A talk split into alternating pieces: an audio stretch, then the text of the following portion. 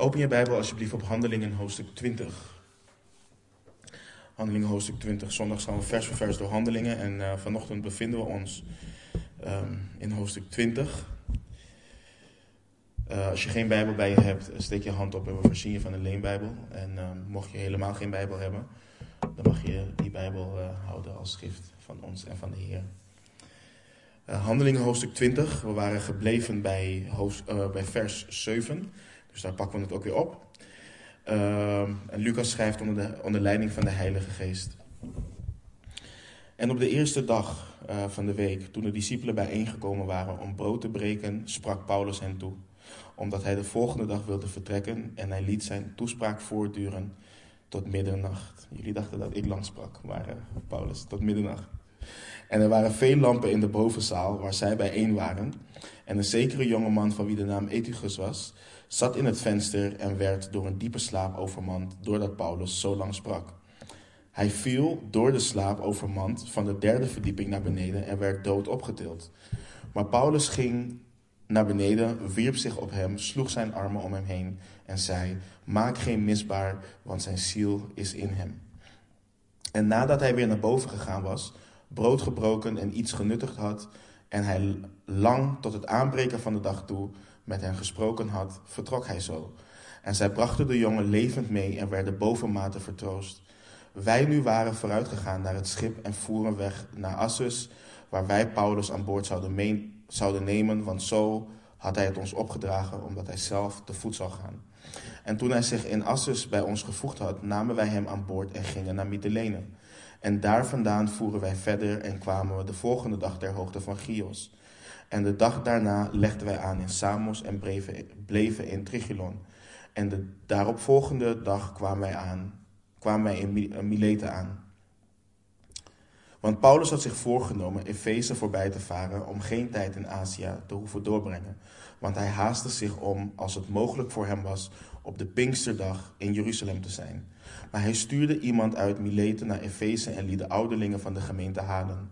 En toen, en toen zij bij hem gekomen waren, zei hij tegen hen: U weet hoe ik, van de eerste dag af dat ik in Azië aankwam, heel de tijd in uw midden geweest ben en de Heere gediend heb met alle nederigheid en veel tranen, en onder verzoekingen die mij overkomen zijn door de aanslagen van de Joden, hoe ik niets van wat nuttig was nagelaten heb u te verkondigen en te onderwijzen in het openbaar en in de huizen. En ik heb zowel tegenover Joden als Grieken getuigd van de bekering tot God en het geloof in onze Heer Jezus Christus. En nu, zie, ik reis gebonden door de geest naar Jeruzalem. En ik weet niet wat ik daar, daar zal tegenkomen. Behalve dan dat de Heilige Geest van stad tot stad getuigt dat mij boeien en verdrukkingen te wachten staan. Maar ik maak mij nergens zorgen over. En ook acht ik mijn leven niet kostbaar voor mijzelf, opdat ik mijn loop met blijdschap mag volbrengen evenals de bediening die ik van de Heere Jezus ontvangen heb om te getuigen van het evangelie van Gods genade. En nu, zie, ik weet dat u allen, bij wie ik rondgegaan ben en het koninkrijk van God gepredikt heb, mijn gezicht niet meer zult zien. Daarom betuig ik u op de huidige dag dat ik rein ben van het bloed van u allen. Want ik heb niet nagelaten uw hele draadsbesluit van God te verkondigen. Zie dan toe op uzelf en op heel de kudde, te midden waarvan de Heilige Geest u tot opzieners aangesteld heeft, om de gemeente van God te wijden, die hij verkregen heeft door zijn eigen bloed. Want dit weet ik, dat na mijn vertrek vrede wolven bij u zullen binnenkomen, die de kudde niet sparen. En dat uit uw eigen midden mannen zullen opstaan, die de waarheid verdraaien, om de discipelen weg te trekken achter zich aan. Daarom, wees waakzaam en bedenk dat ik drie jaar lang, nacht en dag, niet heb opgehouden iedereen onder tranen terecht te wijzen. En nu, broeders, ik draag u op aan God en aan het woord van zijn genade, aan Hem die bij machten is om u op te bouwen en u een erfdeel te geven onder al de geheiligden. Ik heb niemands zilver of goud of, of kleding verlangd. En u weet zelf dat deze handen dienst hebben gedaan om te voorzien in mijn behoeften en voor hen die bij mij waren. Ik heb u in alles laten zien dat men door zo te arbeiden het moet opnemen voor de zwakken en de woorden van de Heer Jezus in herinnering moet houden, namelijk dat hij gezegd heeft: Het is zaliger te geven dan te ontvangen. En toen hij dit gezegd had, knielde hij neer en bad met hen allen. En allen begonnen luid te huilen, vielen Paulus om de hals en kusten hem. Zeer bedroefd vooral om het woord dat hij gesproken had, namelijk dat zij zijn gezicht niet meer zouden zien. En zij deden hem uitgeleiden naar het schip. Laten we bidden. Vader in de hemel, we zijn zo in ontzag, Heer, voor U, Heer, en het woord wat U overgeleverd heeft. Heer, dat we kunnen leren door Uw woord wie U bent en dat we daardoor veranderd mogen worden. En Heer, ik bid dat U de ogen van ons verstand opent. Heer, dat U ons vervult met Uw geest en dat U ons ogen geeft om te zien wat U overgeleverd heeft. Heer, U bent de persoonlijke God en U wilt tot een ieder van ons vandaag spreken. Dus spreek ook alstublieft tot ons. Verander ons, bemoedig ons, bouw ons op, Heer. En daar waar nodig ook, ehm, vermaan ons en wijs ons terecht. Maar laat uw wil boven alles geschieden. In Jezus' naam. Amen.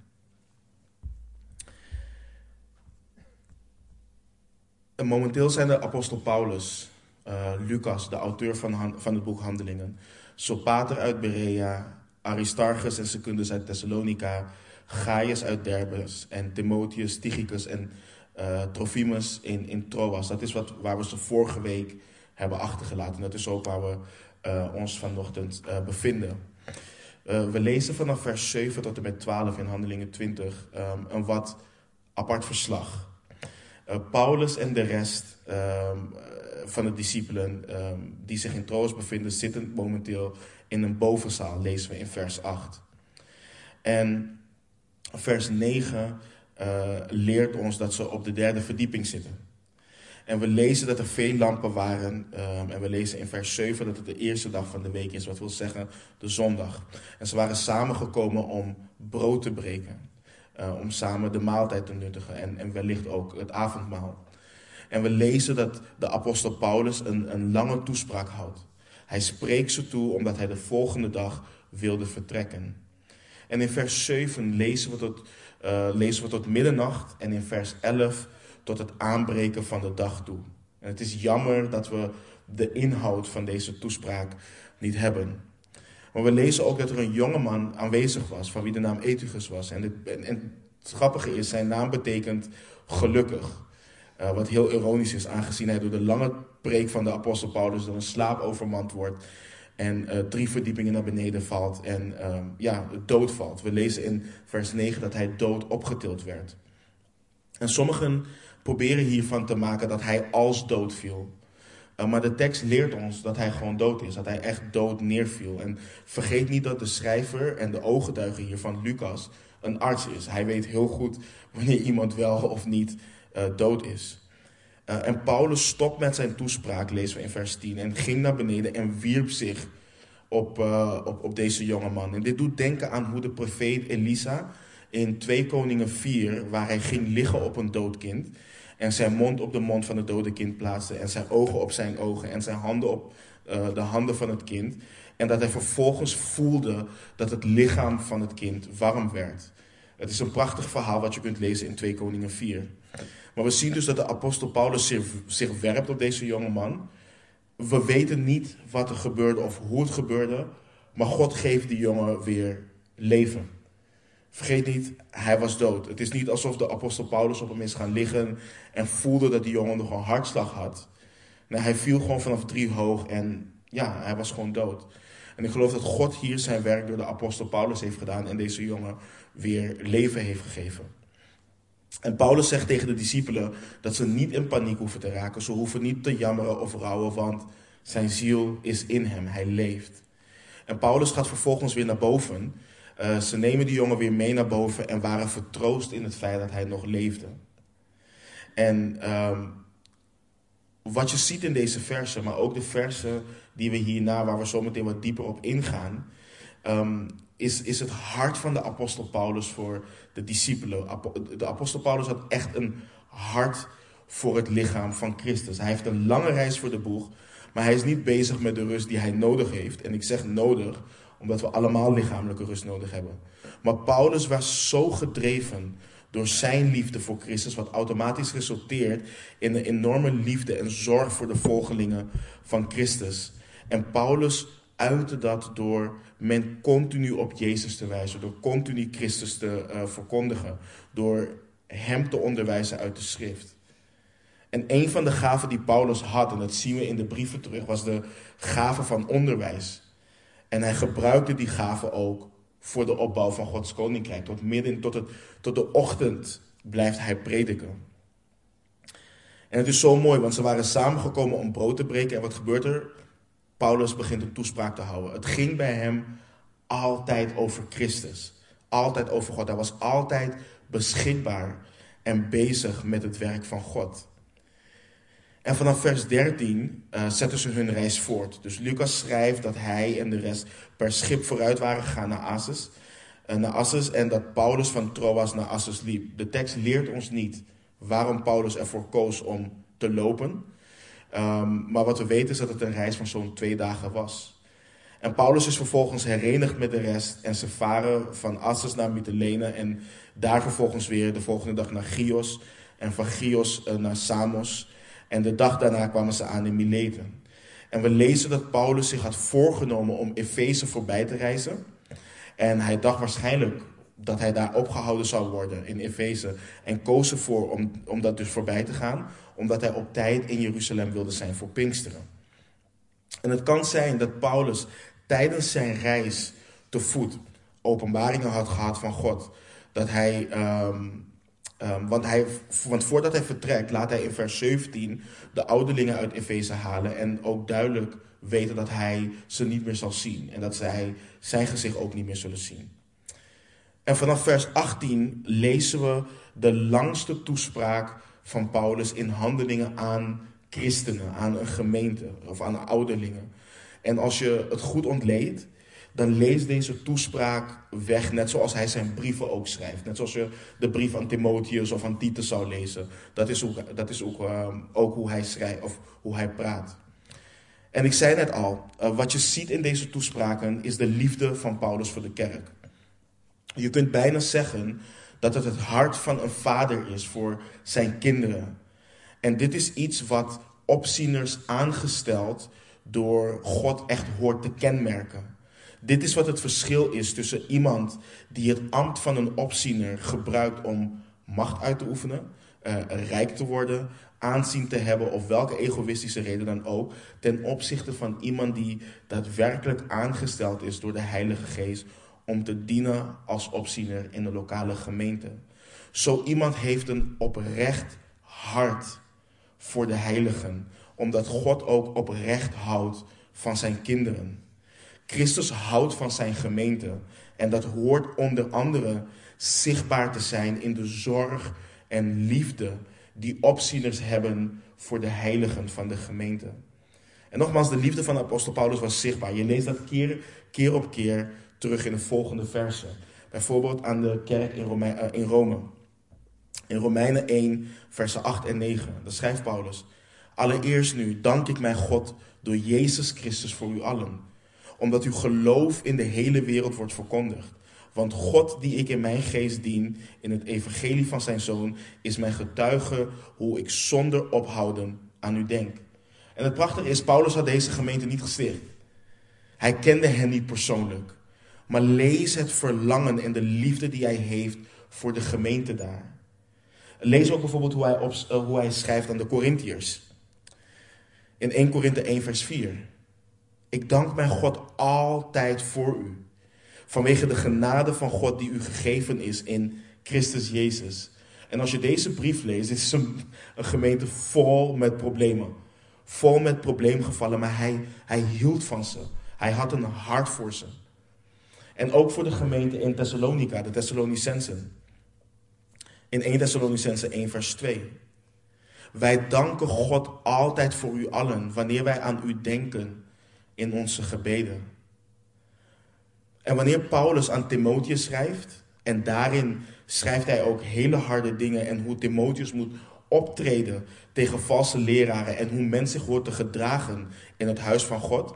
Let op de motivatie van Paulus voor het schrijven en de opdrachten die hij aan Timotheus heeft gegeven in, in 1 Timotheus 1, um, ehm, versen 3 tot en met 5. Hij schrijft aan Timotheus.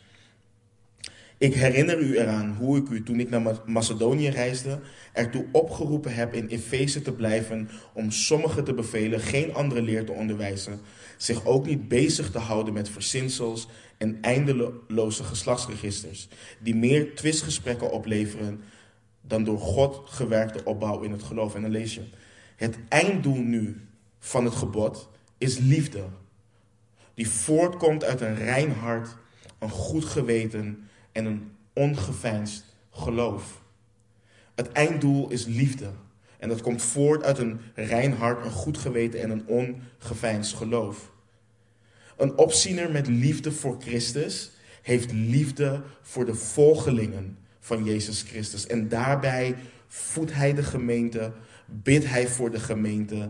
En daarnaast, waar het nodig is, wijst hij ook mensen van de gemeente terecht. En in de korte tijd dat deze gemeente bestaat, zijn hier verschillende mensen geweest uh, die graag een bediening wilden. En niet omdat ze van de broeders of zusters hielden, nee, omdat ze van de bediening hielden. Want wanneer je van de, en dat is het verschil, want wanneer je van de heilige houdt, wanneer je van je broeders en zusters houdt, maakt het niet uit hoe of waar je ze dient. Want je wil de Heer gewoon graag dienen. En daarom schrijft Paulus ook in 1 Timotheus 3 over hoe opzieners en diakenen beproefd horen te worden. En niet alleen door de opzieners van de gemeente, maar door de hele gemeente. Want de liefde die we voor elkaar hebben als broeders en zusters, die wordt zichtbaar wanneer we ons leven met elkaar delen. En liefde is essentieel. Liefde is zo belangrijk en hoe dat tot uiting komt.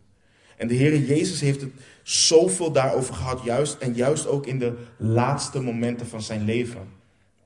In Johannes 13 bijvoorbeeld, vanaf vers 14 lezen we: Als ik dan, de Heere en de Meester, uw voeten gewassen heb, moet ook u elkaars voeten wassen. Want ik heb u een voorbeeld gegeven, opdat ook u zult doen zoals ik voor u gedaan heb, voor u heb gedaan. Voorwaar, voorwaar, ik zeg u, een dienaar is niet meer dan zijn Heer, en een gezant niet meer dan, dan hij die hem gezonden heeft. Als u, deze, als u deze dingen weet, zalig bent u als u ze doet. En hoe passend is het dat hij het hier heeft over voeten wassen. Want het wassen van de voeten was in die cultuur het laagste van het laagste. Dat was voor de allerminste slaaf. En de Heere Jezus zegt, want ik heb u een voorbeeld gegeven, opdat ook u zult doen zoals ik voor u heb gedaan. En dit is heel bijzonder.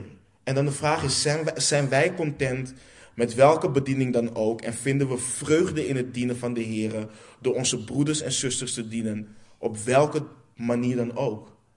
Of moeten we per se in de muziekbediening? Of moeten we per se in de kinderbediening? Of moeten we per se de evangelist of de, de voorganger zijn? Let op wat de Heer Jezus nog meer zei hierover. In, in Johannes 15, vanaf vers 9. Dan zegt hij, zoals de Vader mij lief gehad heeft, heb ook ik u lief gehad. Blijf in mijn liefde. Als u mijn geboden in acht neemt, zult u in mijn liefde blijven. Zoals ik de geboden van mijn Vader in acht heb genomen en in zijn liefde blijf. Deze dingen heb ik tot u gesproken, opdat mijn blijdschap in u zal blijven en uw blijdschap volkomen zal worden. Dit is mijn gebod, dat u elkaar lief hebt, zoals ik u lief, heb, lief gehad heb. Niemand heeft een grotere liefde dan deze, namelijk dat iemand zijn liefde geeft voor zijn vrienden. U bent mijn vrienden als u doet wat ik u gebied. Ik noem u niet meer dienaren, want een dienaar weet niet wat zijn Heer doet. Maar ik heb u vrienden genoemd omdat ik u alles wat ik van mijn vader gehoord heb, bekendgemaakt heb. Niet u hebt mij uitverkoren, maar ik heb u uitverkoren. En ik heb u ertoe bestemd dat u zal heen gaan en vrucht dragen. En dat u vrucht zal blijven, opdat wat u ook maar van de Vader vraagt in mijn naam, Hij u dat geeft. Dit gebied ik u, dat u elkaar lief hebt.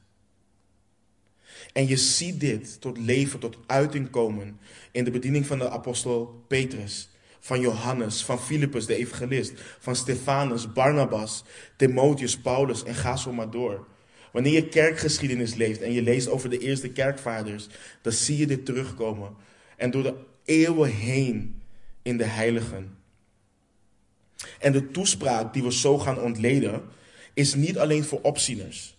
Het is juist goed voor de hele gemeente om te weten wat er van een opziener verlangd wordt en wat voor effect dit hoort te hebben op een lokale gemeente.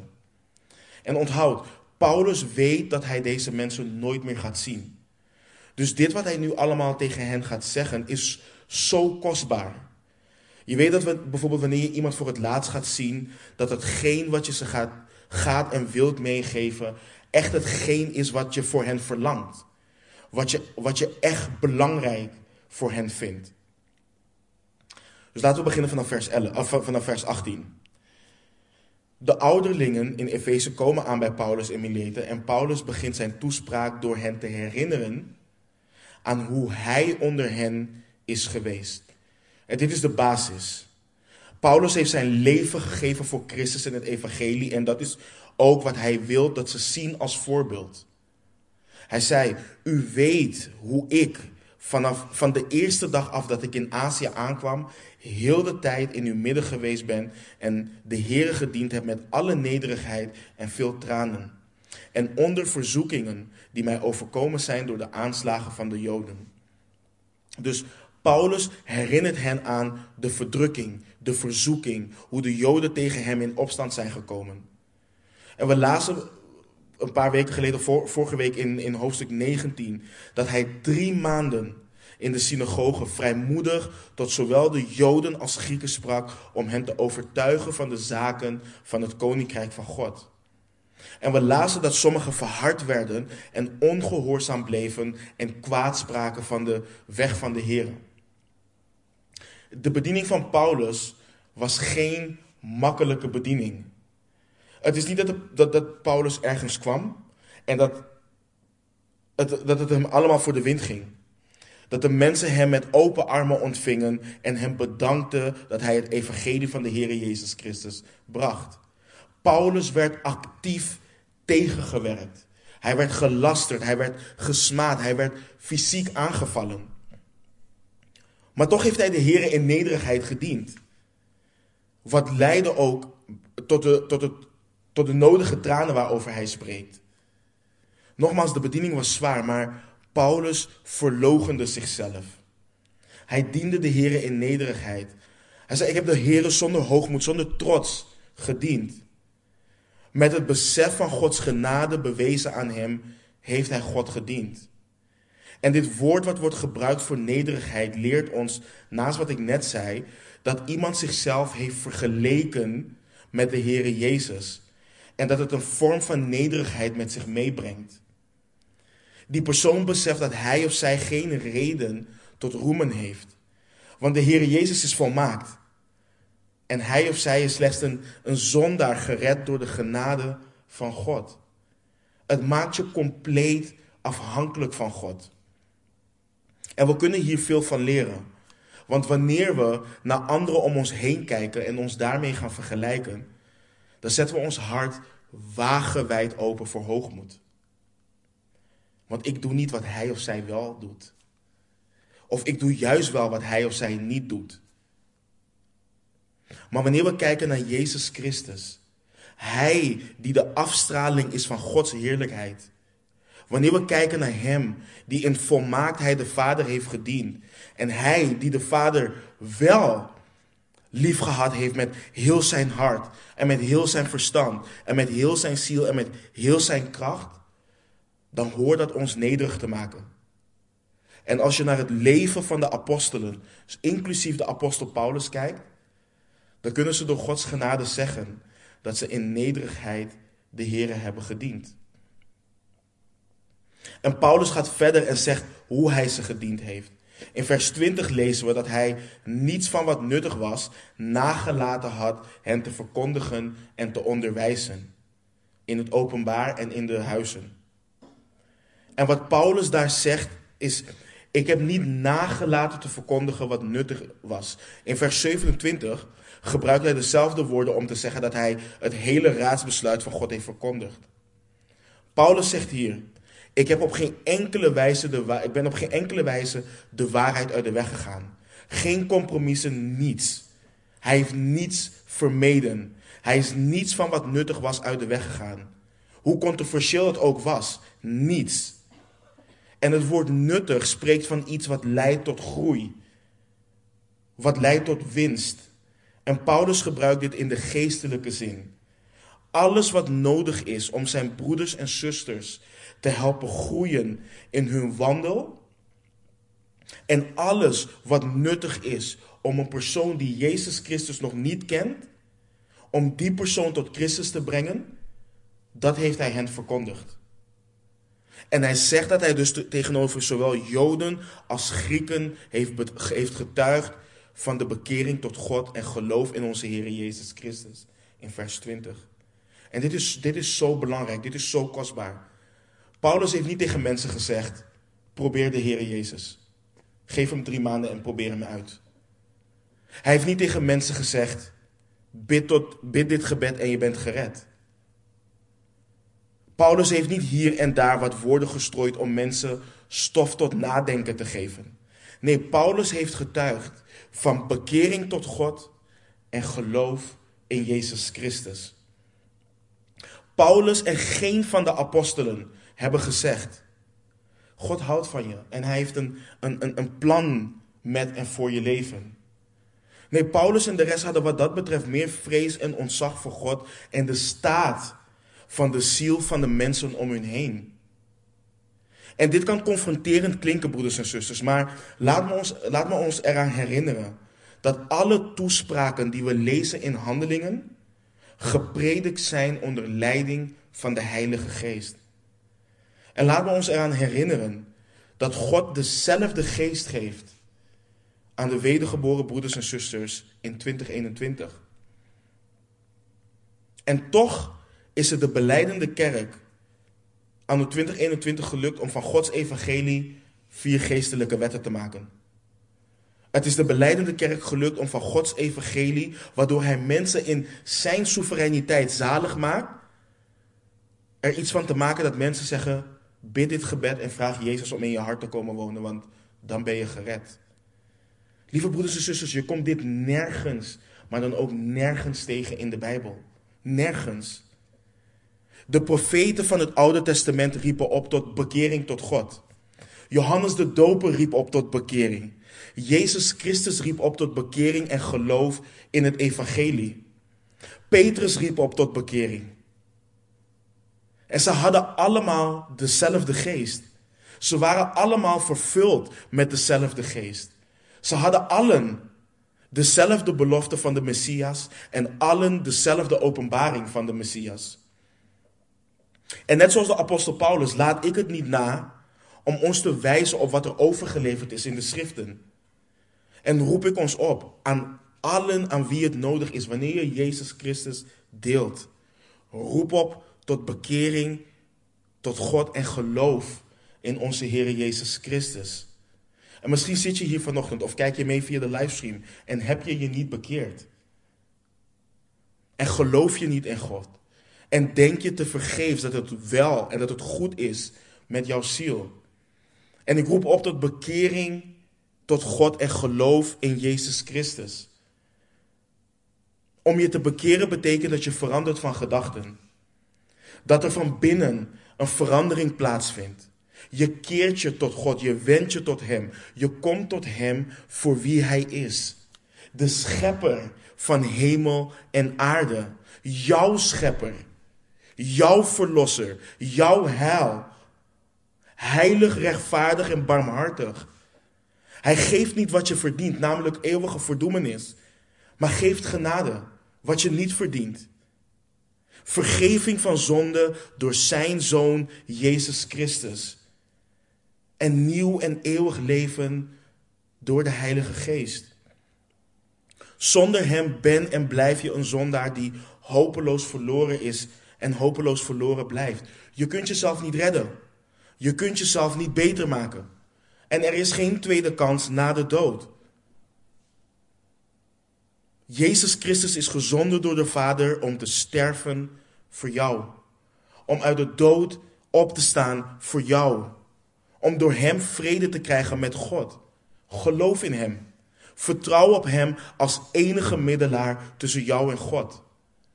Hij is goed. Hij is rechtvaardig. Hij is jouw enige hoop. En God is als mens naar aarde gekomen omdat zondig mens niet naar hem toe kan komen. En dit is goed nieuws. Hij heeft ons niet in onze hopeloze staat achtergelaten. En daarom zegt hij: bekeer je en geloof het evangelie. Het is geweldig nieuws. En in vers 22 lezen we hoe Paulus verder gaat. Hij maakt duidelijk dat hij gebonden door de geest naar Jeruzalem reist. Dus Paulus gaat onder leiding van de Heilige Geest, onder bevel van de Heilige Geest naar Jeruzalem. En dit zal uiteindelijk resulteren dat hij in Rome uiteindelijk belandt, um, waar hij zijn uh, straf afwacht. Maar Paulus was ervan overtuigd dat de Geest hem stuurde naar Jeruzalem. En hij wist niet wat hij daar tegen zou komen in Jeruzalem. En, en God werkt vaak zo. Hij roept ons en zegt: Dit is waartoe ik je roep. En verder niets. That's it. En dat is ook wat hij met Abraham heeft gedaan. Hij zou hem naar het beloofde land sturen, maar Abraham wist niet wat hij tegen zou komen. Hij heeft dromen aan Jozef geopenbaard, maar Jozef wist niet wat er in die tussentijd zou gebeuren. En zo roept hij ons ook, om, om, tot een bediening of wat dan ook. En verder niets. We weten niet wat het eindstation is wat dat betreft. En, en wat belangrijk voor ons is, ga niet zitten wachten tot, tot de Heer het hele plan aan je openbaart. Sta op en volg Hem. En terwijl je Hem volgt, blijf bidden om leiding. En Hij zal dat openbaren.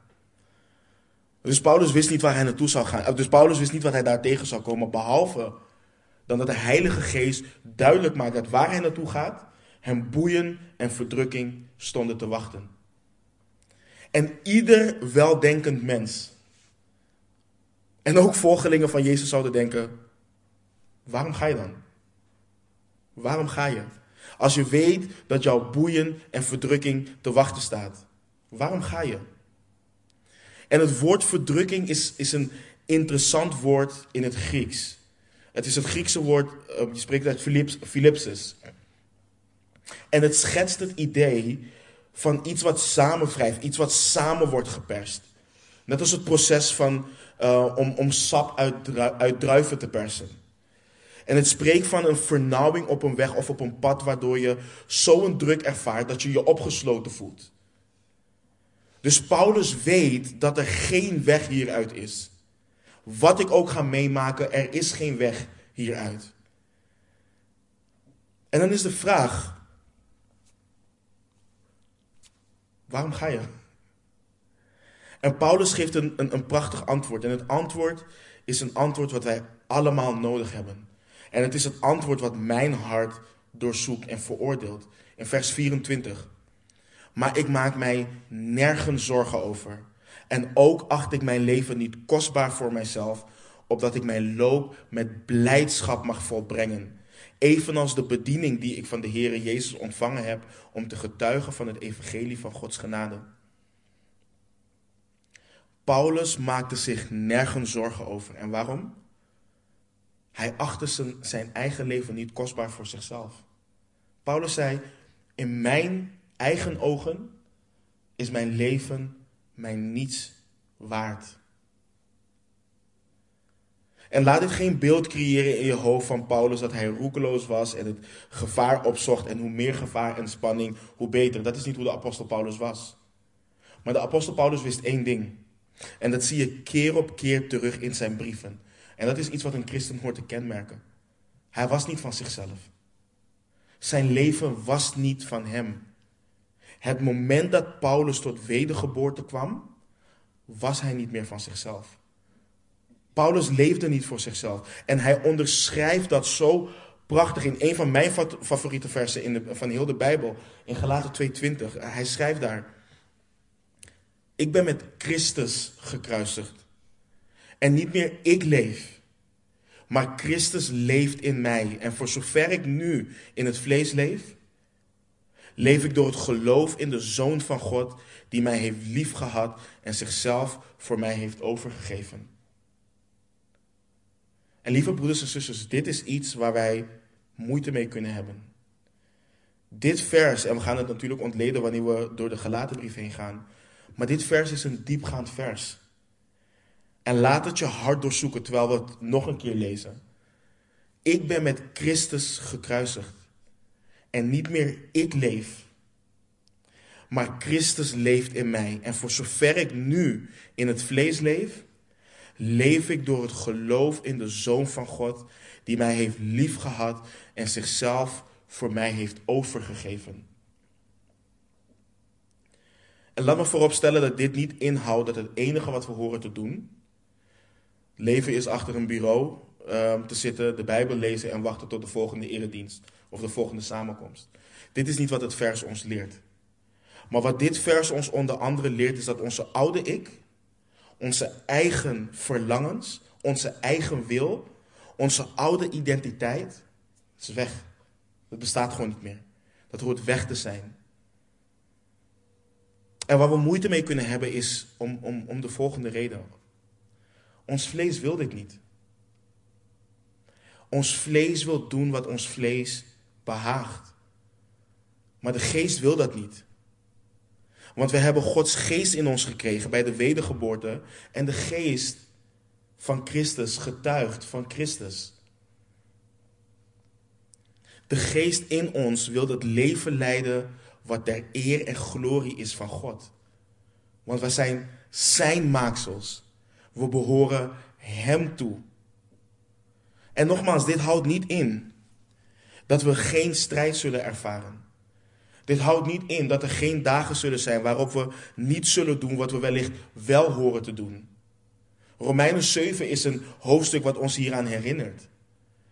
Maar broeders en zusters, de vraag is wel: zijn we ons bewust? Zijn we ons ervan bewust dat we gekocht zijn, duur gekocht zijn, met het bloed van Jezus Christus? Niet voor onszelf, maar voor Hem. En op een cruciaal punt in de bediening van de Heer Jezus zei Jezus het volgende in Matthäus 16, vanaf vers 24. Dan lezen we, toen zei Jezus tegen zijn discipelen, als iemand achter mij aan wil komen, moet hij zichzelf verloochenen, zijn kruis opnemen en mij volgen. Want wie zijn leven zal willen behouden, die zal het verliezen. Maar wie zijn leven zal verliezen om mij, die zal het vinden. Want wat baat het een mens als hij de hele wereld wint en aan zijn ziel schade leidt? Of wat zal een mens geven als losprijs voor zijn ziel? Weet je, het, het, het offer van genade is gratis. En prijs de Heer daarvoor. Prijs God dat we niets hoeven en kunnen brengen om aangenomen te worden als zijn kinderen. Maar toch kost het ons alles. Toch kost het ons alles om Hem na te volgen. Het kost ons ons leven. Een ander voorbeeld. Ga in je Bijbel met me mee naar Lucas 14. En, en dan lees ik, ik heb hem ook op het scherm, Lucas 14 en dan vanaf vers 25. En dit zijn zulke confronterende versen. En dit soort versen, dit soort versen bewijzen dat Jezus niet zomaar kan bestempeld worden als een goed man, een goed mens die wijze dingen heeft gezegd. Dit zijn hele confronterende woorden. Alleen God kan dit van ons vragen. Staat er vanaf vers 25 in Lucas 14. En vele menigte trokken met hem mee. En terwijl hij zich omkeerde, zei hij tegen hen: Als iemand tot mij komt en niet haat zijn eigen vader en moeder, en vrouw en kinderen en broers en zusters, ja ook zelfs zijn eigen leven, die kan mijn discipel niet zijn. Als eerste, Jezus zegt dus niet hierin, want erg, verderop in Matthäus zegt hij dat wie meer van zijn broeder of wie meer van zijn moeder of vader houdt dan van hem, die is mij niet waar. Dat is wat hij hier zegt. Dus hij zegt niet dat onze kinderen moeten haten. Maar dat zegt hij vervolgens. En wie zijn kruis niet draagt en achter mij aankomt, kan geen discipel van mij zijn. En dan zegt hij hier dat we de kosten op moeten maken. Want wie van u die een toren wil bouwen, gaat niet eerst zitten om de kosten te berekenen, of hij de middelen wel heeft om het werk te voltooien. Opdat niet misschien, als hij een fundament gelegd heeft en niet in staat is het te voltooien, allen die het zien hem beginnen te bespotten. En zeggen, deze man begon te bouwen, maar heeft het werk niet kunnen voltooien. Of welke koning die in oorlog ingaat om te strijden met een andere koning, gaat niet eerst zitten om te beraadslagen of hij bij machten is met 10.000 man tegemoet te gaan die met 20.000 man tegen hem optrekt. En zo niet, dan stuurt hij, als de ander nog ver weg is, een gezantschap om te vragen wat de vredesvoorwaarden zijn. Zo kan dan ieder van u, die niet alles wat hij heeft achterlaat, geen discipel van mij zijn. Het zout is goed, maar als het zout zijn smaak verloren heeft, waarmee zal het smakelijk gemaakt worden? Het is niet geschikt voor het land en ook niet voor de mesthoop. Men gooit het weg. Wie oren heeft om te horen, laat die horen. Let op vers 27. En wie zijn kruis niet draagt en achter mij aankomt, kan geen discipel van mij zijn. Hij zegt niet mag. Hij zegt kan niet. En je kruis dragen was de doodstraf. Dit betekent letterlijk sterven aan jezelf. Je ging daarheen om te sterven. Er was geen weg terug. Maar we leven tegenwoordig als beleidende volgelingen een deel van ons leven voor onszelf. En komen dan met de nuances dat God genadig is en dat God geduldig is. En begrijp me niet verkeerd. Hij is genadig en hij is geduldig met ons in onze wandel. Maar moeten we niet ons hart toetsen om te kijken of we niet gewoon ongehoorzaam zijn en een deel van ons leven voor onszelf willen houden en dan Gods eigenschappen misbruiken om ons leven te rechtvaardigen? Ik, jullie weten dat ik hier, ik sta hier niet om onze oren te kietelen en om te vertellen wat jullie willen horen. Ik sta hier en ik word gedwongen door Gods woord om het te interpreteren en uiteen te zetten zonder compromissen. En het kan pijn doen en het kan confronterend zijn. Maar net zoals de apostel Paulus hier zijn leven niet kostbaar voor zichzelf acht, ben ik hier om te vertellen. Alles wat je denkt nodig te hebben voor jezelf, of dat deel wat je voor jezelf wilt houden, is de keuze om Gods zegen te onthouden uit je eigen leven. Het leven in en voor Gods glorie is een leven in en van overvloed. En ik heb het niet over materiële overvloed. Ik heb het over de vreugde, de vrede, de blijdschap in het weggeven van jouw leven aan en voor God. En ik heb het niet over fysiek sterven hier. In Romeinen 12 lezen we dat de wil van God volmaakt is. Perfect. Kun je je voorstellen dat jouw leven volledig weggeven aan God, aan jouw schepper, betekent dat je het weggeeft voor zijn volmaakte en perfecte wil? Is dat niet wat we allemaal willen? Hoe vaak praten we niet over, ja, ik wil weten wat de wil van God is voor mijn leven. Ik wil Gods wil navolgen. En dan moeten we als eerste weten dat, het, dat zijn wil volmaakt is. En dat we dan alles van onszelf daaraan, daarvan uh, aan hem horen te geven. En waar vond Paulus blijdschap in? Waarom was zijn leven niet kostbaar voor zichzelf? Hij wilde zijn loop met blijdschap volbrengen. Zijn wandel als volgeling van Christus. Dat was waarvoor hij wilde leven en sterven als het ware. Paulus wilde zijn leven leiden en geven voor hem, die zijn leven voor hem had gegeven. En dat maakt het volgen van Jezus ook zo anders. Het maakt het zo anders dan welke religie dan ook. Want wij gehoorzamen God uit dankbaarheid. Als reactie op zijn trouw en liefde. Wat schrijft Johannes in 1 Johannes 4, vers 19? Wij hebben hem lief, omdat hij ons eerst lief gehad heeft. Daarom hebben we God lief. Omdat hij zijn liefde heeft bewezen door zijn zoon voor ons te sturen toen wij zondaren waren. Dan kun je alleen maar halleluja, dankjewel op God zeggen. daarom heb je hem lief. En wat schrijft Paulus in Romeinen 12, vers 1? Ik roep u er dan toe op, broeders, door de ontfermingen van God, om uw lichamen aan God te wijden als een levend offer, heilig en voor God welbehagelijk. Dat is uw redelijke godsdienst. En Paulus en Johannes zeggen in feite beide hetzelfde.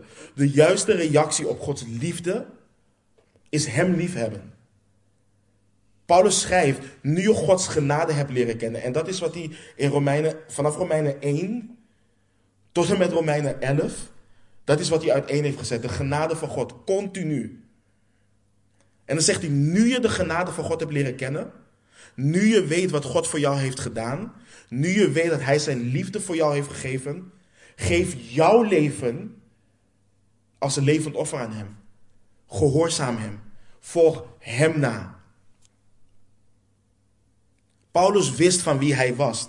was. Hij wist dat zijn leven God toebehoorde. En hij wilde zijn wandel met blijdschap volbrengen. Evenals zijn bediening die hij van de Heer Jezus ontvangen heeft om te getuigen van Gods genade. En weet je wat mooi is? Dat Paulus zijn eigen wandel boven de bediening plaatst. Zijn bediening kwam voort uit zijn wandel. Paulus was niet de, de apostel Paulus. Dat is niet wat zijn identiteit was. Hij was een volgeling van Jezus die geroepen was om te getuigen van Gods genade. En dat is ook weer zo'n belangrijke zin. Want sommige mensen kijken naar, naar, het leven en de bediening van de apostel Paulus en zeggen, hij was een churchplanter in hart en nieren. Het enige wat Paulus deed was kerken planten. Maar dat is, dat is niet waar. Paulus getuigde van Gods genade. En doordat mensen tot geloof kwamen, ontstond daardoor een kerk. Paulus was niet in zijn hoofd bezig met een kerk hier en een kerk daar en noem maar op. Hij was bezig met de zielen van mensen.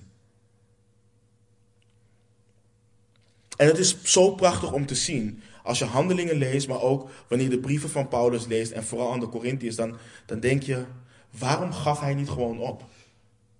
Al die problemen, al die hoofdpijn, al die tranen, het verdragen van laster, smaad en verdrukking. Dan zie je hier, Paulus was niet met zichzelf bezig.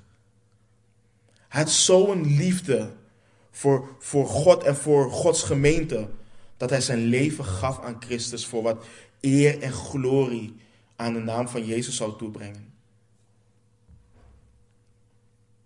En ik wil je vragen, is, dat, is Jezus dat allemaal waard?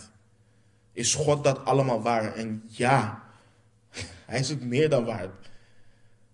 Weet je, hoe prachtig is het om te zijn in de handen van de Almachtige God? Om te zijn in de handen van je Maker. Om het leven met Hem te leiden. Om het leven te leiden voor Hem. Omdat je door Hem gemaakt bent. Er is niets mooiers dan dat. Er is niets mooiers en niets beters om het leven, om te leven voor Hem die weet wat goed is. Waar is de hele wereld mee bezig? Wat zie je tegenwoordig met al die lifestyle gurus en, en al die motivational speakers? Iedereen is op zoek naar hun doel in het leven. Iedereen is daarmee bezig. Ik ga je helpen om je doel te bereiken. Ik ga je helpen om te staan in je doel. To stand in your purpose, dat hoor je heel vaak. Maar Hij is het. Jezus is het. Hij die het begin van het einde kent. Hij die weet wat ware en blijvende vreugde brengt in het leven van zijn kinderen. Hij die zijn welbehagen heeft in het zien van zijn genade, barmhartigheid en liefde door zijn kinderen heen. Hoe ver gaan we voor ons droomlichaam? Hoe ver gaan we voor onze droombaan? Hoe ver gaan we voor onze droomhuis of, of de auto die we verlangen? We, gaan, we kunnen behoorlijk ver daarvoor gaan. Maar de vraag is, hoe ver gaan we voor Hem, die ons geschapen heeft en weet wat het doel van ons leven is? Weet je, ik heb bij lange na niet meegemaakt wat de apostel Paulus heeft meegemaakt. En wij hebben in deze tijd, of in deze gemeente, bij lange niet meegemaakt wat er in, in Korinthe gebeurde. Maar we hebben in de korte tijd dat we bestaan, hebben onze uitdaging al gehad. En ik als volgeling en als opziener ook. Maar om de vrucht te zien in het gehoorzaam zijn van God. Om mijn eigen wil opzij te zetten, opdat zijn wil zal geschieden. Dat brengt vreugde in mijn hart. Dat brengt blijdschap. En niets in deze wereld kan, kan die blijdschap evenaren die er in God is.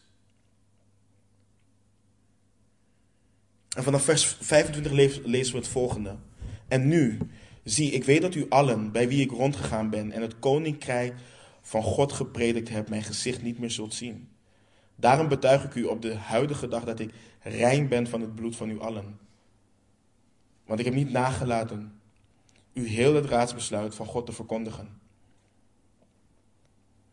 Wat interessant is van, het vers, van dit vers is het volgende. En dit kun je gebruiken wanneer beleidende christenen naar je toe komen en zeggen dat Paulus anders predikte dan Petrus en Johannes. Want dat hoor je wel eens. Je zal, je zal horen in sommige kringen dat Paulus het evangelie van bekering en genade predikte. En dat de apostelen in Jeruzalem het koninkrijk van God predikten. Maar deze versen leren ons dat dit hetzelfde is. Paulus predikte geen ander evangelie, omdat hij bijvoorbeeld naar de heidenen ging. Hij predikte hetzelfde evangelie als Petrus en de rest. Er is geen apart evangelie voor Joden en een apart evangelie voor heidenen. Het is hetzelfde evangelie en het getuigt van Gods koninkrijk. Maar Paulus zegt dat de opzieners zijn gezicht niet meer zullen zien. En Paulus zijn bediening daar was tot een einde gekomen. Maar dat doet hij opeens iets waarvan je zou kunnen schrikken. Hij zegt dat hij rein is van het bloed van allen. En wat bedoelt Paulus hiermee? Paulus kon weggaan met een rein geweten. Paulus was aangesteld als getuige van Gods genade en Paulus is trouw geweest in Efeze wat betreft zijn roeping door de Heer Jezus. En Paulus wist door wie hij was geroepen en dat hij op een dag verantwoording zou afleggen voor zijn bediening. En dat was geen verantwoording of hij gered zou zijn, nee, maar wel, in, maar wel verantwoording in zijn trouw aan Gods roeping. Paulus had ontzag voor God. En dat is iets wat tegenwoordig ontbreekt bij veel opzieners. Er is geen ontzag meer voor God. Men speelt los en vast met het woord van God en vergeten of negeren het feit dat ze een dag voor God komen te staan. Jacobus schrijft ook in het derde hoofdstuk van zijn brief, in Jacobus 3, vers 1. U moet niet allemaal leermeesters willen zijn, mijn broeders. U weet immers dat wij dan een strenger oordeel zullen ontvangen. Kijk, het, ambt van een opziener en ook in het onderwijzen, het is een prachtig ambt. Maar het is een ambt wat je hoort te vervullen met ontzag en met beven. God houdt van zijn kerk. Hij houdt van zijn kinderen. Hij zorgt voor zijn kinderen. En wanneer je los en vast speelt met het woord van God, dan zul je moeten verantwoorden aan God. En Paulus zegt, hij is rein van het bloed van hen allen. En waarom? Hij heeft, niets nagelaten, hij heeft niet nagelaten hen heel het raadsbesluit van God te verkondigen. Paulus heeft zonder er doekjes omheen te winden het woord van God verkondigd. En het woord raadsbesluit in het Grieks is het woord boule, boule. En het spreekt van Gods plan, Gods wijsheid. En in deze context dus Gods plan van verlossing van begin tot eind. En hoe Paulus dat deed, was uitleggen hoe het Oude Testament, de wet, de profeten, de psalmen, zoals de Joden het kenden, in vervulling is gegaan in Jezus Christus. Wat dit betekent en wat de beloften zijn die we nog mogen verwachten. Dit is wat anders dan leef je beste leven nu. Of zeven manieren hoe je in overwinning kunt leven. Nee, Paulus heeft systematisch uiteengezet wat Gods helsplan was volgens de schrift. Dat is waarom hij kan zeggen, ik ben rein van het bloed van u allen.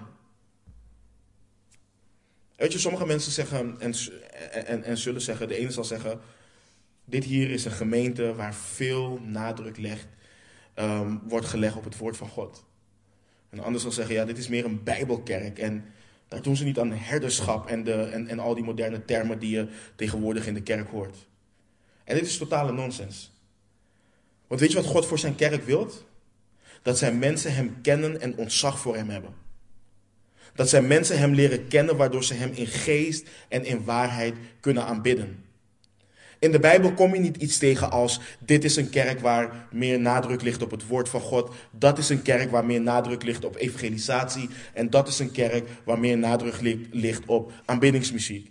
Nee, de geest van God neemt het woord van God, waarvan hij de auteur is, om mensen te redden en om mensen te heiligen. Jezus bad in Johannes 17, 17. Heilig hen door uw woord. Uw woord is de waarheid. Weet je wat er gebeurt wanneer mensen het raadsbesluit van God horen? Mensen komen tot leven en er gaat een vuur en passie in hun branden om God te dienen.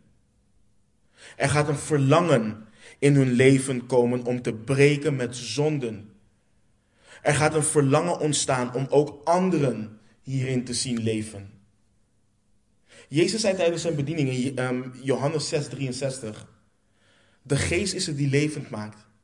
Het vlees heeft geen enkel nut. De woorden die ik tot u spreek zijn geest en zijn leven. Om het raadsbesluit van God te verkondigen is om leven te verkondigen.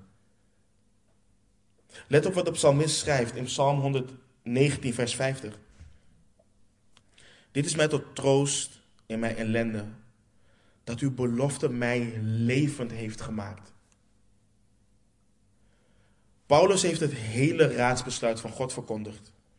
Dat is wat de kerk hoort te doen. Niet alleen de ABC van het evangelie. Nee, ook de geslachtsregisters. En ook de bouw van de tabernakel en van de tempel. En het gewaad van Aaron en de verovering van het land Canaan. En daarin laten zien hoe dat allemaal naar Christus wijst en hoe we dat horen toe te passen in ons leven.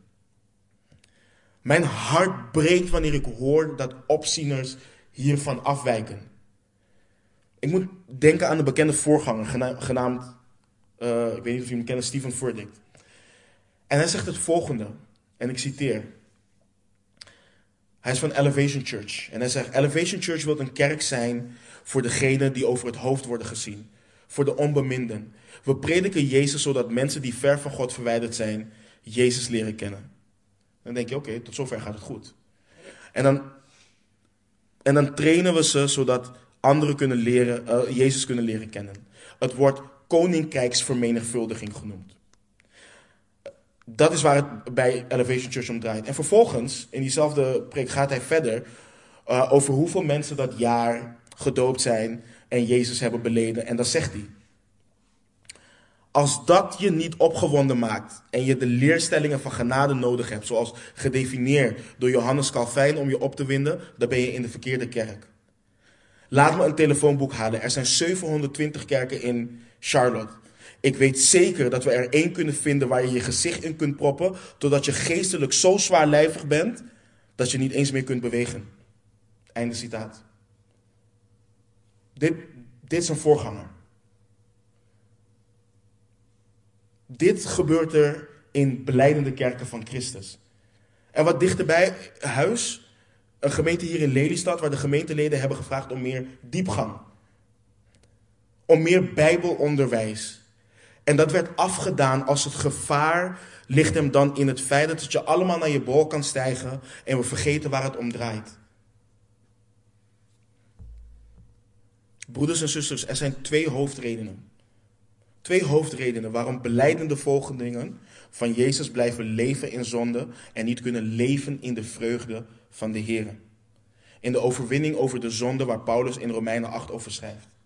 Eén is dat het beleidende volgelingen zijn die nooit tot wedergeboorte, uh, wedergeboorte zijn gekomen. Maar twee, dat men zich niet voedt en gevoed wordt met het woord van God. We hebben net gelezen dat God zijn woord gebruikt om de discipelen van Jezus te heiligen.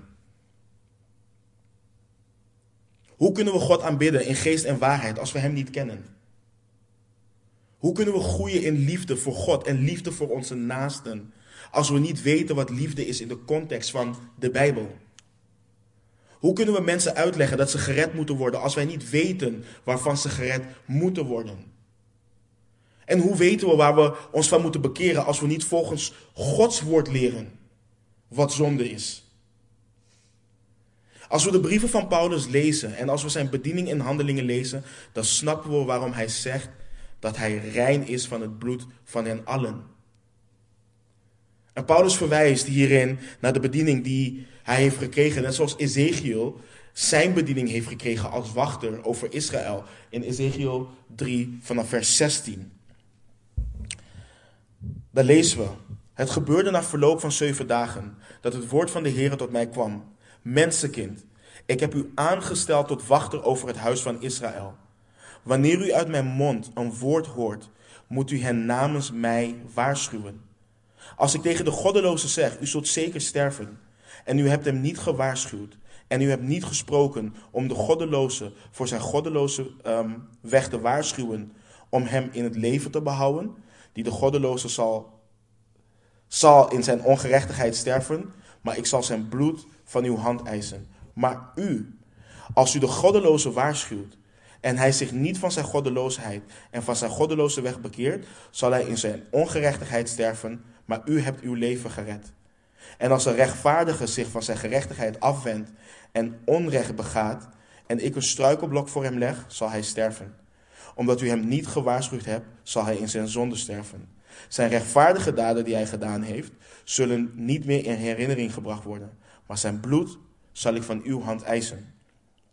Maar u, als u de rechtvaardige waarschuwt, opdat de rechtvaardige niet zondigt, en hij inderdaad niet zondigt, zal hij zeker in leven blijven, omdat hij gewaarschuwd is.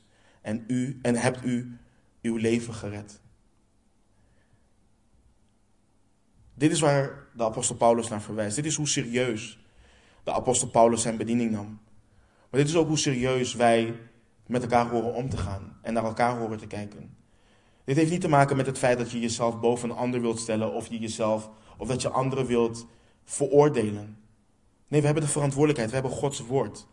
En het moment dat wij weten dat iemand in zonde leeft, of dat iemand verkeerde of, of, of gevaarlijke doctrine, verkeerde doctrine, gevaarlijke doctrine is hetzelfde, dat gelooft, of zich voordoet als een beleidende christen, en we weten en we zien dat er geen vrucht van bekering is, dan zijn we schuldig als we daar niets van zeggen. Het is een valse vorm van nederigheid om te zeggen: Weet je, ik laat je in je ding. Nee, we hebben een verantwoordelijkheid om daarin op te treden, om daartegen te strijden. Mijn bedoeling was om dit hoofdstuk in één keer af te maken, maar het is me niet gelukt. Ik kijk ook naar de tijd. Maar er zit hier te veel in om er overheen te gaan. Dus we gaan volgende week dan kijken naar wat de implicaties zijn. De Laan, kijk maar aan, want hij weet al wel. Ehm, de, de implicaties voor de opzieners op basis van het voorbeeld van de apostel Paulus, zijn eigen bediening. Daar gaan we volgende week naar kijken. Maar mediteer, mediteer op wat we hebben behandeld. Want de apostel Paulus is het voorbeeld voor ons, de apostel Petrus is het voorbeeld voor ons. En we weten allemaal, we horen te kijken naar het leven en de bediening van, van de Heer Jezus. Maar de Heer heeft ons ook aan elkaar gegeven om ons aan elkaar op te trekken. Als voorbeelden voor elkaar.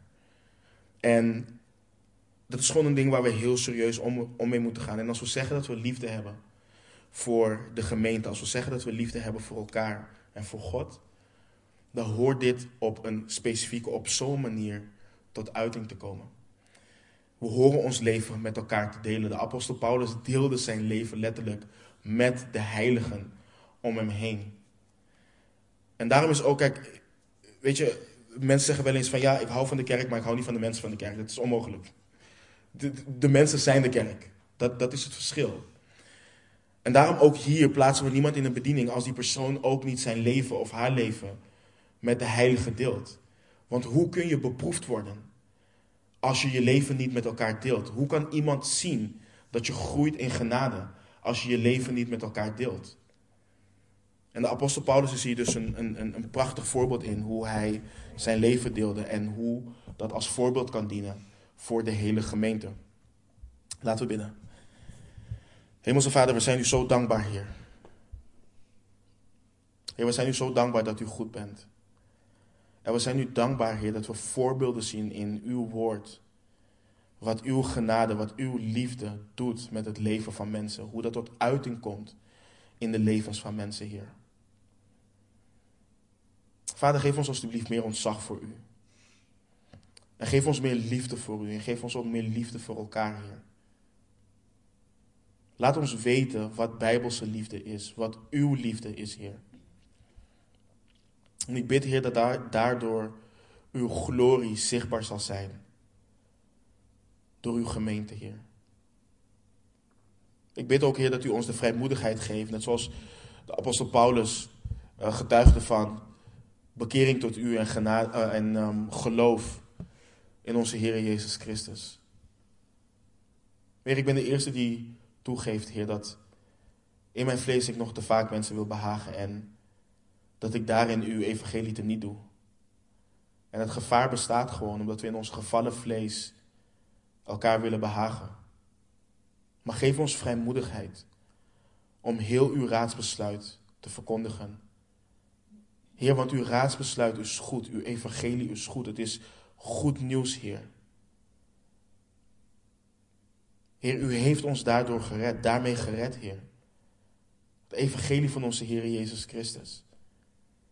En help ons om dat voor ogen te houden, om dat ook te verkondigen aan onze naasten. Heer, we houden van u, we danken u, we loven en prijzen uw grote naam. We dragen alles aan u op en bidden dit in Jezus' naam. Amen.